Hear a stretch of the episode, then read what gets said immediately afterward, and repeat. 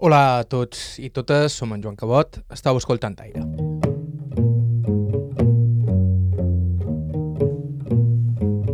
Ens queden dos programes abans d'acomiadar-nos d'aquest 2022, que per nosaltres ha estat un any molt especial. Recordem que enguany hem arribat al nostre programa 200 i que l'equip del programa va rebre el Premi Ciutat de Palma de Periodisme per S'aporta un podcast que podem considerar una mena de spin-off, un projecte en paral·lel a Aire, un espai que enguany arriba als 6 anys en antena. I com feim sovint, quan arribam en aquestes dates, volíem revisar un poc el que ha estat aquest 2022 per a nosaltres i, com sempre, fer-ho recuperant alguns dels millors testimonis que hem recollit al llarg de l'any. I això és el que farem en aquests dos programes que ens queden. Avui amb dues històries en paral·lel, però en sentits oposats. La del pintor Steve Afif, nascut a Alexandria però instal·lat des de fa anys a Mallorca, i la del sindicalista i polític Bartomeu Sancho, nascut a Mallorca però des de fa anys resident a Cuba. Avui escoltarem les seves històries, dues vides que donarien cadascuna per una novel·la. Estau escoltant Aire, a IB3 Ràdio, us parla Joan Cabot. Començam.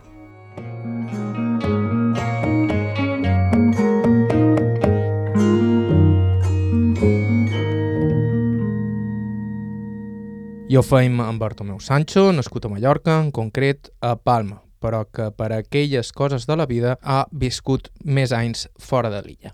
Ell, però, sol venir sovint a veure la seva filla i en un d'aquests viatges el vam entrevistar. Aquí el teniu. El nombre mío es Bartolomé Sancho Morey. Nací el 18 del 6 del, del 35, o sea, hace pronto ara 86 anys. Mon pare era carabinero, 20 anys, i quan la Guerra Civil ho tancaren, a, a pena de mort, després hi va haver una amnistia després de la Segona Guerra Mundial. Bueno, ja sense final, i sortint sis anys. Mi padre provenia de Son Cervera i mi madre de Artà, de Manacor. El apellido Sancho es, como tú sabes, de la zona de Son Cervera, Artac, Catdepera, ¿no? Y Morey es, bueno, es de toda la isla, de toda Mallorca, pero en Manacor, ¿no? Y la familia por parte de padre, casi todos los hermanos eran carabineros, casi todos, que por cierto los detuvieron todo al principio de la, de la guerra civil. Un íntimo amigo de mi padre se enteró en la cárcel que su mujer eh, era amante de un soldado italiano eso, y en la cárcel todo se sabía, ¿no? Que fíjate tú, y así casos, ¿no? Y, y, y la mayoría fueron fieles, la mujer, pero hubo casos, eh, tú imagínate que tú estés preso y cuando salgas te enteres que tú, o te enteres en la cárcel, ya muchos se enteraban en la cárcel. Y había, y a mi padre y a otros, una vez por lo menos, lo fusilaron, sin fusilarlo, ¿cómo se llama eso? El simulacro, ¿no? Que a veces entraban los italianos, eh, tú, tú, tú, tú, pam. Y, mi padre que me contaba que él sentía que lo habían matado. Y era mentira, ¿no? Pero ¿qué coño iba a pensar él? Que le, meten delante un pelotón y que no... Era... Bueno, i anècdotes d'estat, no?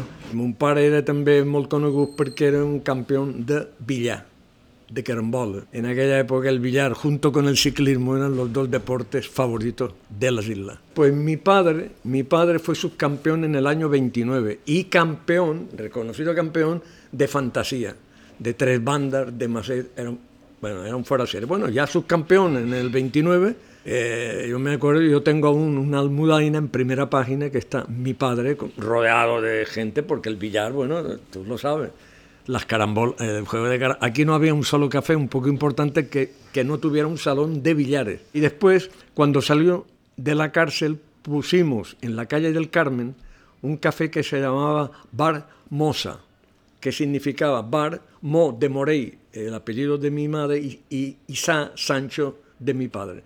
Y nos fue bastante bien porque mi padre, ahí teníamos dos billares, un salón de dos billares, uno de reglamento de campeonato y otro un poco más chiquito, y ahí se jugábamos y hacíamos torneos y de billar y de exhibición. Y mi padre daba muchas noches, que ya lo sabían, que daba exhibición de, de carambola y eso, ¿no? Y a los pocos años, a los pocos años nos fuimos para Venezuela, porque mi padre en la guerra civil y todas esas cosas, ¿no? Eh, estaba, no tenía miedo, pero estaba un poquito. Total, que en el año 49, 49. empezamos a arreglar los papeles. El café lo transformamos a los pocos años en una tienda al por mayor de quesos, licores, vinos y licores que abastecíamos a toda, bueno, a toda Mallorca, una parte de Mallorca, ¿no? Vendíamos vinos de todos lados. Y en el 49, en el 49 sí ya mi padre decide irse, que era una época, entre comillas, que muchos mallorquines iban para allá, el, del, el Café Minaco, eh, inclusive hasta eh, Antique, el que fue presidente de aquí, sus padres se fueron y para allá. Eh, era un momento que mucha gente de Mallorca se trasladaba allí. Entonces el viaje fue, fue, fue toda una aventura. El barco salía de Bilbao era un hermano gemelo de... había dos barcos que eran idénticos, con distintos nombres, el Virginia de Churruca y el Marqués de Comillas, que se fabricaron, tengo entendido, en el año 1914 más o menos, estos sí eran viejos, ¿no? Y entonces con el Marqués de Comillas nosotros íbamos a viajar a Venezuela, pero teníamos que estar en Bilbao ocho días, de aquí, en aquella época, barco Barcelona, tren para... No había tren, estaba, había problemas, tuvimos que coger un taxi para trasladarnos a Bilbao. Bueno, ahí nos alojamos en un hotel. Yo me, acuerdo, era muy niño, ¿no? Tenía 14 años, no cumplido. Me, me llamó la atención en el hotelito que estábamos, que era un hotelito bastante bueno, todo eran camareras. Eh, Mallorca, no sé, yo no, camareras muy bonitas, muy elegantes. Y fuimos a la agencia a la de viajes para ya presentarnos y tal, y nos dicen a los dos días, bueno, les voy a dar una noticia que no es muy buena. Y mi padre dice que, ¿cuál es la noticia? Bueno, la noticia es que su esposa no podrá viajar. Digo, mi padre dice, ¿por qué no? Si yo tengo el pasaje, para... no podrá viajar. Entonces, fíjate tú, solo podíamos irnos mi padre y yo. Mi otro hermano el mayor se había quedado aquí esperando ya que nosotros nos estableciéramos ahí.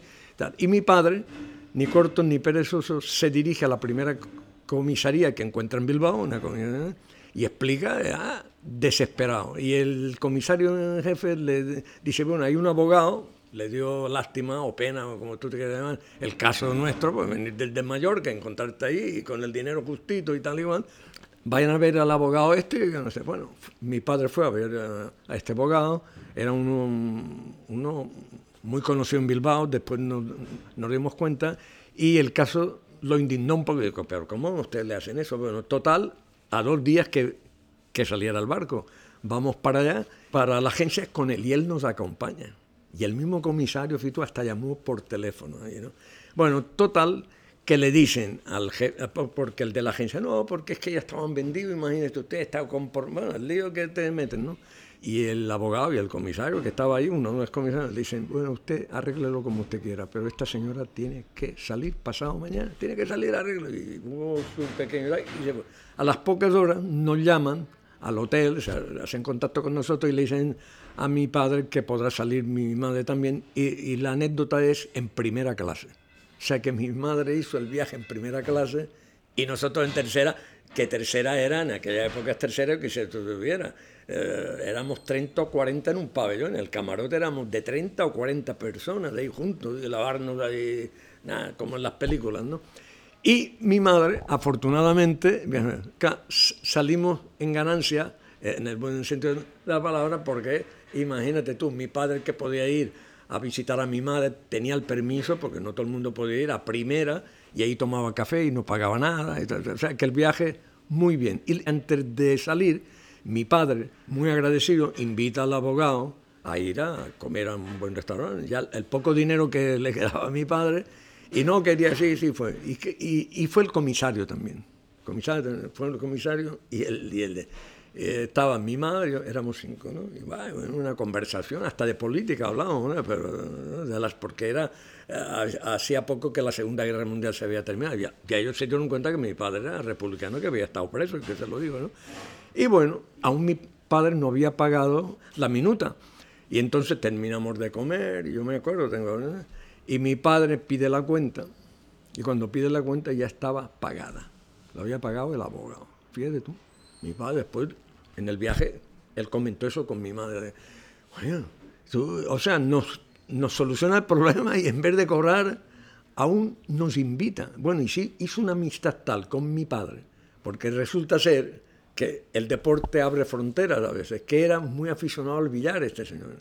Y mi padre iba, yo me acuerdo que, que aún yo lo conservo uno, con una almudaina, que en primera página, el fotografiado con 70, 80 aficionados, como subcampeón que había quedado en el 29, ¿no? Y bueno, y mi padre, no, no, no, no, pagaron, el, bueno, eso luego lo comentó con nosotros y dijo, fíjate tú, pienso yo que adversarios políticos, porque yo no creo, yo no creo que el comisario y, el abogado fueran de izquierda. No yo, ese tema no se tocó, simplemente el humano. ¿no? Llegamos hacia Venezuela y nos vino a esperar el secretario, no, la secretaria del secretario de Rockefeller, porque resulta que el secretario de Rockefeller en Venezuela era Onofre, que era un, yo no sé si fue teniente alcalde de, de Palma, fue una personalidad política, yo no sé. Y ese tío se había asilado, apenas comenzó la guerra civil, se asiló y estaba, tuvo tiempo de poderse escapar. Y conocí a mi padre. Y entonces estuvimos hospedados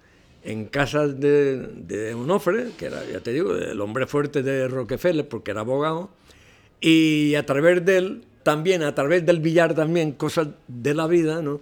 Mi padre un día, camina, mientras le buscaban un empleo a mi padre, yo no, porque con 14 años, eh, eh, sí, empecé a trabajar a los 15 con un empresario mallorquín que se llamaba Soler de Zapatos, tenía una fábrica ahí en Caracas, en sociedad con Cardona, que era de Mahón, de Cardona, y me dieron trabajo. Pero bueno, pusimos un restaurante gracias a que un domingo, paseando con, mi padre por Caracas, en la plaza de Venezuela, que está en Caracas, en una esquina había un club de billar para millonarios. Para millonarios, que ahí solo podían entrar los aficionados, los afiliados, que era gente muy selectiva, ¿no? Club fantástico. Y mi padre, y desde afuera, miro, y vio muchos billares y tal, y el, el portero, el, le dijo, ¿usted desea algo? Dice, no, usted perdone, es que yo jugué a billar y tal, y y me gusta, dice, usted perdone, pero aquí usted no puede entrar. Pero se da la casualidad que entraba el, el presidente del club, que era un ex militar. Y entonces oye la conversación y ya vio que éramos extranjeros. Mi padre se presentó, ah, sí, usted, ta, ta, ta, pase, pase, pase. Y, y pasamos. Y había, había unos cuantos jugando, había, había como 10 billares, pero gente toda de, y bueno, jugadores. Y estaban jugando y mi padre viendo y hablando y le presentó a mi padre todos los que y había una jugada un poco difícil porque era hacían una partida a, tres bandas y mi padre dice no y el tío dice está difícil eso bueno aquí la única solución sería así pegarla ¿eh? y los que jugaban uno de ellos en plan porque era dice bueno y usted sería capaz de yo me acuerdo que el, billar bueno tú sabes lo que había una bola aquí y otra aquí y la otra por aquí. Tenían que hacerla por tres bandas. O sea, no podía tener, tenía que... Y mi padre le, le dijo más o menos, bueno, y, y mi padre, y bueno, y tuvo suerte porque no siempre sale bien, ¿no? Porque estaba, hizo la carambola. Una carambola dificilísima, ¿no? Y, tal, entonces hizo una amistad, mi padre iba a veces a dar alguna exhibición ahí y tal, porque en el país de los tortos, eh, de los ciegos, del torto del rey, y aquí en Mallorca, en aquella época, aquí había jugador, el que era un buen jugador aquí en Mallorca de Vidal, lo era en cualquier parte del mundo. Eh, y entonces este señor tenía cuatro o cinco restaurantes y le dijo que si queríamos que nos alquilaba, y nos lo dio a precios bastante módicos, que se llamaba Restaurante El Conde, que estaba en el barrio de San Agustín. Y lo tuvimos cuatro años. En esos cuatro años venían muchos mallorquines a comer ahí, y españoles y venezolanos y tal. Una de las anécdotas es que un sábado sí, un sábado no, y a veces dos seguidos, cuando se cerraba el restaurante, se hacían cenas y reuniones de políticos republicanos, y venían mallorquines y de todos lados. ¿no?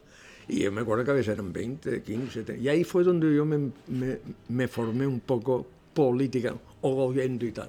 Y bueno, y después yo vengo para acá y mis padres se quedan para hacer el servicio militar.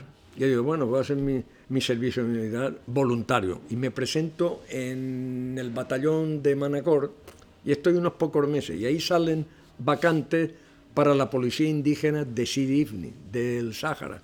Yo con 19 años, niño, coño, me llamó la atención, pues vamos a ver, me hace ilusión irme para el Sáhara, ¿no? Para Sirifni, ¿no? Y en plan ya pido la solicitud, tal y cual, digo, nada, total y no me la van a aprobar. Y me viene aprobada. Y me viene aprobada. Eso en el año 50, 54, por ahí, 55, ¿no? Entonces me preparan el viaje aquí en el cuartel, tal, tal, para allá. Y el viaje era, teníamos que ir a Tetuán, porque Tetuán a las horas era de España. Ahí, eh, eso era España, ¿no? Y llegamos a Tetuán, llegamos a Tetuán y me hacen el pasaporte, lástima que yo, yo lo guardo, y me hacen el pasaporte como policía, profesión, policía, ¿no? De, de Sidibni. Y cruzamos todo el Marruecos francés todo el Marruecos y, y, el Marruecos francés estaba en guerra, porque aún era de Francia, era francés, no era eh, Marruecos no era independiente ni nada de eso, estaban en, plena lucha. Bueno, que por cierto casi nos matan, porque había tiros a... Bueno, entonces, hechos del viaje, el autobús se para en Casablanca para comer. Y nos paramos ahí, y los dueños eran unos republicanos españoles porque había españoles por todos lados, ¿no? Y en Francia había mucho. ¿no? Cuando se enteran que les dijimos quién era, al principio fueron un poco antipáticos, ¿no? Pero cuando yo les conté un poquito mi vida y tal y cual, ya vieron que yo no era que, que, no era franquista, ¿no? Y, y, nos invitaron a comer y no nos cobraron nada, ¿no? Al, al grupo que, que, Bueno, y cruzamos la frontera de Sidi Ifni, ahí estuvimos unos días y la policía. Bueno, y después estuve en Villa Cisnero, en el Sáhara, en Villavens. El trabajo nuestro era en las fronteras, el, mío, ¿no? Las fronteras de Sidi con Agadir, Agadir estaba cerca, y ahí controlado, con siempre las guardias las hacíamos un español y un marroquí, o un ifneño, ¿no? y, y, bueno, y así estuvimos, así estuve los dos años, casi dos años que estuve ahí y después ya, ya me licencié y tal. Me licencio y acto seguido me voy para Venezuela enseguida otra vez, con 21 años. Hacía tres años que, que no estaba y vuelvo para solo. Ya mi familia había llegado aquí. Y ahí voy a ver a, a Onofre, que era para pedirle un trabajo a ver si me podía conseguir un trabajo en algún restaurante de esos que tenía, tenía una cadena de tiendas y de, y de verdad. Y me dice que me lo puede conseguir, pero tenía que ir a Maracaibo. Y yo a Maracaibo y más tenía una noviecita allí, que, y además tan lejos, ¿no? Dije, bueno, total que no fui, conseguí un trabajo ahí en una tienda americana que se llama Sierra Robu, que es como decir el corte inglés. Conseguí ese trabajo por mi cuenta, ¿no? Y bueno, y ahí empecé a trabajar y ahí fue cuando me conecté con la política de, de lleno, ¿no? En el sentido que me afilié al, al sindicato, a la Central de Trabajadores Única de Venezuela, el secretario general de Comercio, porque eso se hizo muy amigo mío, José Marcano se llamaba, y bueno, yo ahí empecé con mi proselitismo y tal y cual, y convocamos una huelga. Yo tenía un trabajo bastante bueno, y porque había entrado a través de ciertas influencias y tal, y estaba muy bien, ¿no? Pero el gusanillo de la política, ¿no? Me metió en, todo ese lío. Bueno, y ahí, y ahí, después de la huelga, que fue un éxito, me expulsaron a mí. Me expulsaron como agitador. Eh, bueno, a ti te tenemos que, expulsar y tal. Bueno, por cierto que me hicieron una buena fiesta los compañeros de ahí. Me, acusaron porque el cabecilla que, que, me afilié yo por su cara me, me traicionó. O sea, me embarcó en el lío y yo me quedé solo. El tío, que era el líder máximo, yo era el segundo, eh, bueno, el tío fue a estudiar a Estados Unidos en una beca que le dieron y a mí la beca fue meterme en, en la cárcel. Bueno, estuve así, tuve dos meses casi en la cárcel. Ahí en la cárcel conecté con cubanos eh, del movimiento 26 de julio, que estaban presos. Ya la revolución cubana empezó en el 56, en Sierra Maestra. Que claro, son muchas y ya, ya, estaban y ya había algunos presos. Yo hice amistad con ellos y pedí a ver si me aceptaban que yo me, que me uniera al movimiento 26 de julio. Me dijeron que sí, había uno de los principales, ya prácticamente. Bueno, y me afilié al movimiento 26 de julio. Cuando salimos, a los dos o tres meses más o menos, a todo eso yo ya había tenido actitudes, eh, o sea, actuaciones con las izquierdas de Venezuela, ¿no? Con varias, el Partido Comunista, Acción Democrática, que era de, del gobierno, como decir, socialdemocracia aquí, de Rómulo Betancourt, que fue, que fue el que me metió preso, ¿no?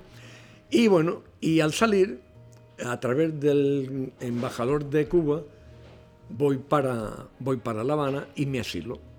Pedí mi asilo, por él, me lo dieron y tal. Entonces yo ahí en Cuba participé en todo, en todo el mundo, porque la revolución estaba en su apogeo. Eran manifestaciones todos los días de banqueros, de, de todo, ¿no? pidiendo hay que nacionalizar esto, en fin, era que estaba muy efervescente. Estuve trabajando en el Ministerio de Comercio Exterior varios años. Al cabo de un año más o menos de estar allá, eh, me fichan, para decirlo de alguna forma, no como agente, pero casi. Entonces, para, para trabajar, claro, algunos dicen espía, no, espía no, yo era un agente informativo, ¿no? que estaba metido ahí dentro para eh, evitar sabotajes y, y, todo eso. Y estuve así cuatro, cuatro años, contactos bastante tal para, eh, entre ellos había una, una de las cinco potencias, ya, no sé, te he dicho todo, ¿no? Y bueno, y, y trabajé unos cuatro o cinco años ahí y al mismo tiempo tenía contacto con todos los venezolanos que iban a la época que iban a Cuba. Toda que Cuba aquello era la meca en aquella época del socialismo, ¿no? Ahí iba de toda América Latina, iba gente ahí, ¿no? Y, de España y tal, ¿no? Y entonces, a los cuatro, en el año 67, se decide a que yo vaya a Venezuela a la guerrilla. En el 67, que fue el año que asesinaron al Che Guevara. Yo estaba en París cuando es. Bueno, entonces, para ir a Venezuela, para ir a París, que era donde, o para ir a Venezuela, era eh, la vuelta al mundo casi. Pues, no es como ahora que coge el avión y de La Habana a Caracas. Para ir a Venezuela había que ir a Canadá, de a Halifax, de Halifax a Praga, Praga, París. En Praga tenías tus, contactos. En París te arreglaban papeleo todo para ir para Venezuela. Pero para ir a Venezuela tenías que ir a Bogotá, a Colombia, y después por tierra pasar a Venezuela son los viajes que yo iba a hacer. Ya estaba todo, todo arreglado. Y, de, y un día antes de salir, me dicen, Gallego, el que estaba ahí, que era un médico venezolano, el catire, porque a los rubios lo llaman el catire. Yo tengo la doble nacional venezolana y española. Me dice, tú, tú no sales. Yo pensé, coño, ¿qué, habrá pasado? Y había pasado que había, que había un chivato que era íntimo amigo mío, fíjate tú, íntimo amigo mío, y se portaba conmigo venezolano de Venezuela que estaba en La Habana, que era un informante, y cuando llegaban los venezolanos de ahí, después de este que casi, en aquella época casi cada semana salían dos venezolanos, uno, para, iban a Cuba a formarse en la guerrilla y tal y cual, y después, porque en aquella época había mucha guerrilla en Venezuela, en aquella época hubo en Venezuela, y no fui, claro, ya, entonces ya, ¿qué hago yo? ¿Qué hago yo? no, no vengo para España, me voy para Bélgica. Me voy para Bélgica porque hay muchos españoles. Y ahí conocí a Rodolfo Llopis, era en, la, época el secretario general del PSOE, histórico. Y entonces me afilio al PSOE a través de él. Después vino lo de Surenne y todo eso, que Felipe González cogió el poder y, eliminó a, a, a tota esa gente, no? També hi té la seva història en Felipe González, que el va expulsar dos cops del partit, la segona vegada ja definitivament. Si voleu escoltar aquesta història i la resta del testimoni de Bartomeu Sancho, podeu recórrer al nostre arxiu, que trobareu en format podcast o qualsevol dels agradadors disponibles i també a ivetres.org barra carta. Nosaltres el deixem aquí, fem una breu pausa i anem a escoltar el segon testimoni d'aquest primer de dos programes dedicats a recordar el millor de 2022. Tornem en uns segons.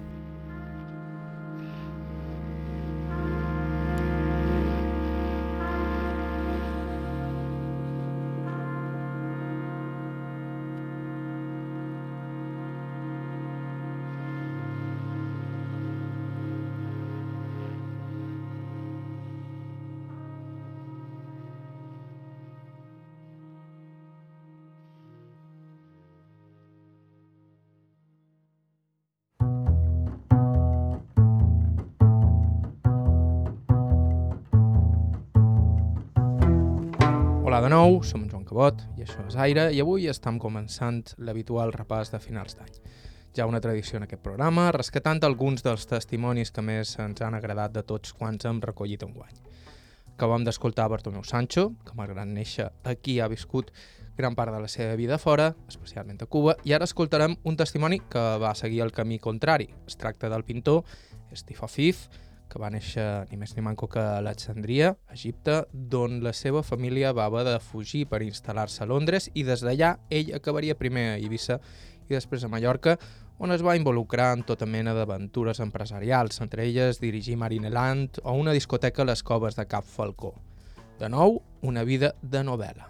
Mi nombre completo es Steve, S-T-E-V-E, -E, Afif, A-F-I-F, Sassoon, S-A-S-S-O-O-N.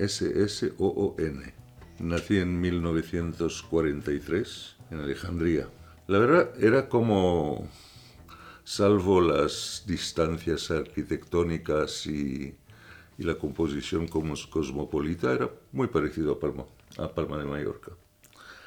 A la Palma que conocí cuando llegué a Mallorca, ¿no? en los años 60. Sí, era, era bastante parecido. De hecho, aterricé en Mallorca o me quedé en Mallorca por eso, porque me recordaba, yo vivía en el terreno en aquella época, y el terreno me recordaba mucho el barrio donde vivíamos en Alejandría. Sobre todo arquitectónico, ¿no? el, el terreno tenían estas casas un poco anárquicas, ¿no? con unos, unos, unas arquitectura italianizada a veces y totalmente sin sentido, sin coherencia, pero tenía jardines y a mí me encantaban los jardines y lo, teníamos jardín grande en Alejandría.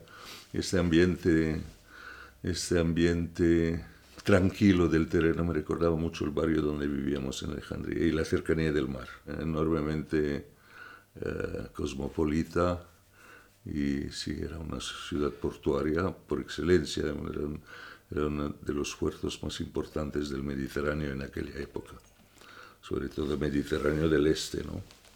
Unos amigos del Cairo le vendieron un pequeño negocio en Magaluf, se vino y se quedó tres o cuatro años, pero era una mujer muy sola y no lo aguantó mucho y se volvió a, a Londres. Yo la, la vine a ver, a visitar un par de veces y como y como en muchos casos me enamoré de una chica y me quedé en Mallorca primero. En Ibiza quería ser hippie, pero no lo conseguí muy bien. Cosas. Tenía una idea ¿no? de que podía, no sé qué. Walter Benjamin había estado en Ibiza. ¿no? Y, uh, había gente, sí. Y luego me vine a Londres, a, a Palma. Me enamoré de una chica, me quedé... Uh, en el terreno viviendo con ella. Era sueca. En aquella época las suecas estaban de moda. Y una mallorquina en los años 68 era muy difícil que saliera con un extranjero. Muy, muy difícil. Sin carabina. O, sin, yo creo que la primera chica española con la que salí fue en, creo que en el año 70 y pico, ¿no? Y con carabina con una tía caminando a 20 pasos detrás. Eran, eran eh, madrileños. Ella hija de, de un director de, de, un hotel Melia. Y me, me, pareció muy extraño, muy raro. Pero era muy difícil conocer. Era difícil conocer a mallorquines, tanto a nivel sentimental como a nivel social. Era muy difícil. Tuve la suerte de conocer a uno que me, que en la época que montamos el Marineland era que él eh, trabajaba para Publicidad Maya y vendía vallas publicitarias. ¿no? Entonces íbamos por toda la isla, me enseñaba emplazamientos posibles de vallas para, para lo que se llamaba en aquella época el delfinario. Y me hice muy amigo y sigo siendo muy amigo de él. Pero fue mi primera introducción bastante limitada en cuanto era el único con él, ¿no? a través de él. No porque la gente era hostil, no lo era. Yo creo que la gente en Mallorca, como en todas las islas, es conservadora, es, era conservadora. El, boom turístico había llegado, pero bastante más limitado que ahora. Ahora ya no, ahora ya no, ahora creo que tengo más amigos mallorquines que amigos extranjeros. No sé si si el resto de Palma era cosmopolita. El terreno sí lo era. Muy sui generis, ¿no? Era, eh, era, era encantador. Esto es lo que me sedujo quizás de Palma porque me recordaba Alejandría. ¿Sabes? estas casas un poco sin ton ni son arquitectónicamente hablando, pero todos con jardín y con un limonero. Y con, esto era, despertaba en mí una nostalgia tremenda. Y había estas personas como la, los Kerrigan que vivían en la casa de Gertrude Stein, que había vivido aquí una época. Estaba Vince Hitchcock, el torero inglés, que había tomado la, alternativa con el Lithri, que vino a trabajar en Marineland, un personaje muy curioso. Estaba, tenía un bar con su mujer que se llama Vera, se llamaba el bar de Vera. Ella era trapecista. O sea, así, así un sinfín de gente. Había un personaje que se llamaba Charlie 103, que había sido, dicen, eh, un dibujante para Walt Disney. Era pequeñajo, pelirrojo, y lo llamaban Charlie 103 porque desayunaba con 103. Dicen que mezclaba un plátano con 103 y que todo el día solo vivía 103. Y acabó, como te puedes imaginar, eh, así, no, no, sin fin de gente curiosa, interesante y muy reservada, muy en su, en su mundo. Muchos exiliados de su país. Había los que fueron exiliados por la época McCarthy, que vinieron aquí, como Faye Emerson, eh, que había sido actriz, como el hijo de Roosevelt, pero estos eran de DEA, ya los de DEA conocía menos, ¿no? había, había los de DEA y había los de Palma. Había así el terreno, había Génova y la Bonanova también que tenían su, sus, ah, sus extranjeros que habían que, se repartían entre Génova, la Bonanova, pero no, no, no conocía ninguno que viviera más allá de, del terreno, que, que viviese, por ejemplo, en Jaime III, salvo si eran guías turísticos, o, o sea, pero la mayoría era Génova y la época, la gran época de las discotecas de Génova, ¿no? La Sgt. Peppers y eh, Givago, luego Barbarella. La viví bien porque había montado un negocio cuando llegué a Mallorca. Había inventado una especie de carnet que daba entrada gratis a las discotecas. Entonces por la noche tenía que eh, hacer respetar el contrato que habían firmado conmigo. Entonces la noche la viví bastante, no solo en el terreno, esto abarcaba desde la Arenal hasta Paguera, que para llegar a Paguera en aquella época tardabas una hora, ¿no? porque tienes que subir la, la colina esta y bajar. Y Andrach, no te cuento, ya era una aventura ir a Andrach. Y la verdad, no me, a mí no me gustaba el mundo de la noche. Me gustaba el mundo de la noche, si entiendes el mundo de las discotecas, no tanto. Lo que me gustaba es sentarme en el bar Mónaco con los amigos, de los cuales, entre los cuales estaba este amigo de que trabajaba en Maya, otro periodista del eh, Baleares, no del Baleares, sí, Miguel Romero, Mundo Moragues, Ruperto Ares, que era un doblador de, de cine, toda esta gente que nos sentábamos a las 8 o las 9 en una mesa en el, eh, en el bar Mónaco, en la terraza del Mónaco, y veníamos, veíamos venir a todos los... Recuerdo los, los hitos, ¿no? Cuando las chicas se quitaron los sostenes, ya, ya no llevaban sostenes, esto que causaban accidentes de coches en la entrada de la Plaza Mediterránea, esto, cosas estúpidas que uno, que o los hot pants, estos shorts muy no, el ambiente de Palma se prestaba a estas noches cálidas, estas mujeres, la mayoría de ellas, no la mayoría, muchas de ellas guapísimas, eh, sí, hombre, a eso venían a veces, ¿no? Eh, a divertirse con discotecas, sexo, lo que fuese. Fue, fue, fue divertido. Y tenía una, un despacho en la Plaza Gomila número uno, que era el no va más. Y luego al cabo de un año, un año y medio, vendí la empresa, gané dinero Pero cuando estaba en, cuando estaba en el despacho un día me, me vinieron a ver unos ingleses porque habían oído hablar que hablaba bastante bien el castellano y era inglés y que si podía ayudarles a montar un delfinarium. Yo de delfines no sabía nada, ni de delfinariums ni nada, no sabía lo que era. Me dijo, ¿cuánto pagáis? Les pregunté. Te daremos X, creo, ¿cuánto era? 10% de cada entrada que, que consigues vender. La primera vez que me vino a la vena judía, pensé, bueno, esto no está, no está mal y creo que el primer año traje 400.000 personas. A no sé qué precio era en aquella época, 100 pesetas la entrada, era una fortuna que no me pagaron al final. Me quedé en Marineland tres años, ayudé a montarlo, a organizar la, los espectáculos y los animales que nos mandaban y montar el recinto y tal. Fue interesante. No, había nada en aquella época. Nada, no había Puerto Portales. Había el club de tenis de Costa de Emblanes. No había la urbanización.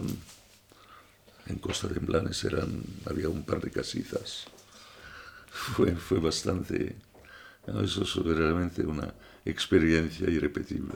Yo creo que nadie que dirigíamos el Marineland sabían lo que, eran lo que era un delfín, primero. Habíamos traído un entrenador de Inglaterra, un entrenador de delfines, pero era el único que sabía algo de, de animales. En el recinto que antes se, se, llamaba, era un club, un beach club, una especie de beach club, se llamaba el Club Kennedy. Eh, era una especie de recinto donde había una piscina semiolímpica, no sé qué, qué, mide la piscina, del, sí, 50 metros, debe ser olímpica o no sé cuándo. Había una piscina, había una especie de, restaurante, eh, cafetería para los socios del club, etc. Había la playa y tenemos una familia de gitanos que se cuidaban de todo en cuanto a mantenimiento, por la noche se quedaban de guardias, etc. Y de tanto en tanto recibíamos esta especie de cajas enormes como ataúdes donde ponía el nombre del bicho en latín. Nadie sabía. Y recuerdo un día que era en invierno, recibimos estas tres o cuatro cajas enormes con agujeros, no, recuerdo bien, y con instrucciones de mantenerlo en una temperatura relativamente cálida. Y el único sitio donde podíamos dejarlos con una especie de calefactor era en los baños del recinto. Abrimos las cajas y había unos bichos enormes, unos cocodrilos del Nilo, que, encerramos en los baños y se nos olvidó decir a la madre gitana que dentro de, este, de los baños había cocodrilos. Recuerdo la escena cuando entró, casi en cámara lenta, recuerdo.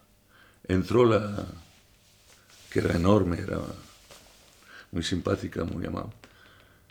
Se empezó a levantar las faldas antes de entrar. Le tenía estas faldas velú. Abrió la puerta, hubo un momento de silencio y de repente sale esta mujer gritando con el culo al aire porque se había topado con un cocodrilo del Nilo. Yo también lo hubiera hecho. Eh, y si teníamos pequeñas aventuras, un día se escapó uno, y se, casi casi entra, entra en, en el mar, se saltó una valla, no, no, sabía que los cocodrilos podían subirse y saltar, y casi entra en el, justo en el momento que venía una golondrina, golondrina con turistas, una pareja de guardias civiles acercándose, y ya estábamos seguros que aquello ya era el cierre definitivo del pero era divertido porque teníamos, estábamos construyendo constantemente recintos para otros animales y tal. Y en aquella época había mucha inmigración andaluza. Entonces todos los albaniles eran andaluces y eran todos, eran todos eh, toreros en potencia. Y uno, el capataz del marín, el capataz de las obras del marín, era el torero inglés, el inglés se llamaba, Vincent Hitchcock, que había tomado la, alternativa con el Lithri, pero era un alcohólico que acabó en Palma con un bar, su mujer era trapecista, pequeña mujer. Y él era, él, ellos, los, andaluces, habían oído hablar de que había un torero. y después de cada, cuando íbamos a cerrar el recinto por la tarde, todos ya se entrenaban con el capote, con el capataz. Entonces, cuando se escapó el cocodrilo, Vince, el capataz, les dijo a los pobrecitos andaluces, mirad chicos, esto no es tan peligroso como un toro, porque el bicho había empezado a caminar hacia el agua. Y si hubiese aterrizado en el agua, el turismo en Mallorca se hubiese acabado. Mallorca sería safari en Mallorca, cogerlo, agarrarlo por las patas y el cuello y lo atamos y lo devolvemos al recinto. Sin pensarlo, se tiraron tres jovencitos y de un coletazo les... Era como un dibujo animado. Lo recuerdo, lo vi. Gracias a Dios que se quedó enrocado el cocodrilo, que era un bicho enorme. Ahora está en Barcelona, creo que todavía vive. Era un cocodrilo de como tres o cuatro metros, una cosa asombrosa, asombrosa. Y nada, y lo cogimos. Pero aventuras así tuvimos muchísimas en Marineland. Muchas, muchas. Todo bicho que tuvimos, desde el, monitor del de, dragón de Komodo hasta el pelicano, todo se escapaba de nuevo. Y todos Però d'aventures no només en va viure Marineland. Steve Afif va tenir també una discoteca a Cap Falcó, una de les més luxoses d'aquella època, que va haver de tancar en circumstàncies realment tràgiques. Tuve una discoteca en Cap Falcó, en Calaviñas, eh, un par de veranos. La alquilé a un joyero que estaba en la calle San Jaime, recuerdo a través de un amigo, todo surge a través de amigos y tal. Ahí se, alquila, era una cueva enorme, natural. Y se podía llegar a esta cueva en barco, los barcos podían atracar, o por tierra. ¿no? Esto era entre pasado Magaluf, justo antes de llegar a Calaviña, que se llama Cafalcó, el lugar. Una cueva enorme, gigante. Y teníamos un grupo, música en vivo y música de discoteca no me preguntes exactamente cómo surgió, te estoy hablando de hace 50 años. Yo, 50 años, mi, memoria no da para tanto. Y fue triste porque al final se desprendió. Yo, yo pregunté al dueño si tenía todas las garantías de los peleólogos, que esta cueva estaba segura. ¿no? Y se desprendió una roca y mató a un turista. No hubo muchas consecuencias legales ni nada en aquella época, no sé. Esto debía ser el año 72, 71, 72 o 73, no recuerdo bien. Pero no, no era un turista, era un chico que había venido a pedirme si podía vender tickets en la playa. En aquella época se, se utilizaba mucho tiqueteros playeros, ¿no? que iban por las playas vendiendo tickets y se ganaban una comisión. Y le hice esperar un momento y justo cuando iba a, dirigirme hacia él, esta cosa enorme le cayó encima. Y tardó la ambulancia en llegar, no sé si dos horas, dos horas y media. Eh, y lo mató. El dueño, no, el propietario no quería cerrar. No, sigue abierto. No, no. Llamé a la policía le dije, no, este sitio ha de cerrar. Y cerramos, sí. Y no sé si ha vuelto a abrir nunca. Había dejado Marineland, mm, no sé por qué, ¿no? porque me habían propuesto esto. Y dije, bueno, hagamos esto, la dejé Marin. Luego volví un, un año más en Marineland, después, nada más. Luego no sé si monté un estudio de diseño gráfico con un amigo, en la época en que se hacía todo con letra set. Nuestro trabajo principal era producir menús en 15 idiomas, 15 no exagero, en 5 idiomas. Estos menús de aquella época que tenían por cada idioma dos páginas.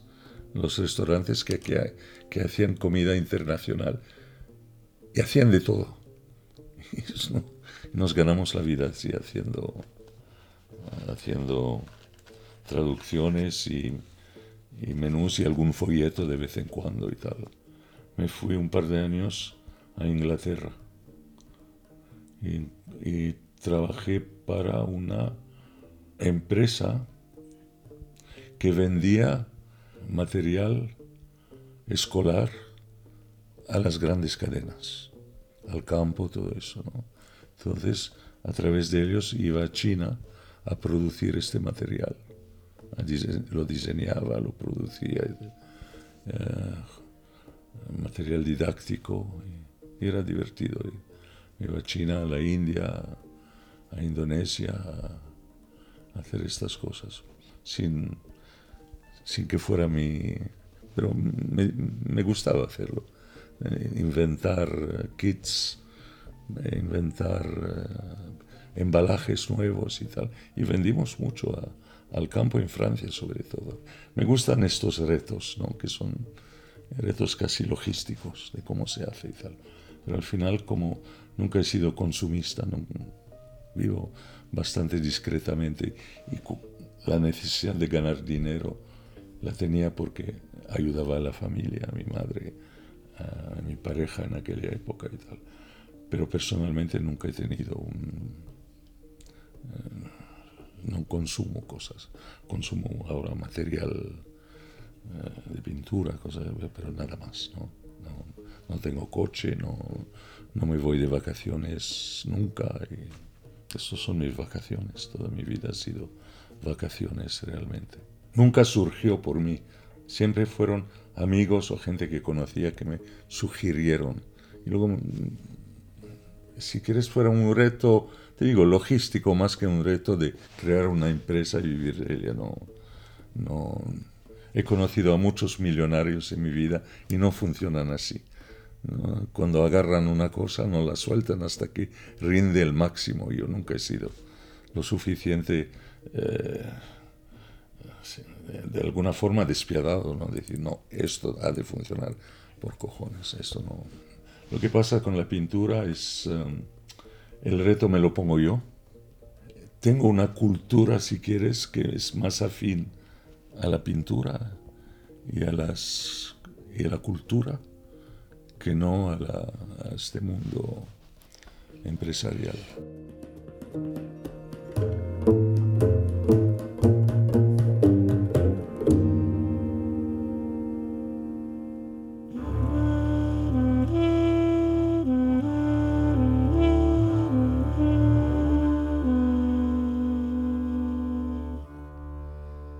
Fins aquí el programa d'avui. La setmana vinent, darrer programa de 2022, de nou amb alguns dels nostres testimonis preferits d'enguany.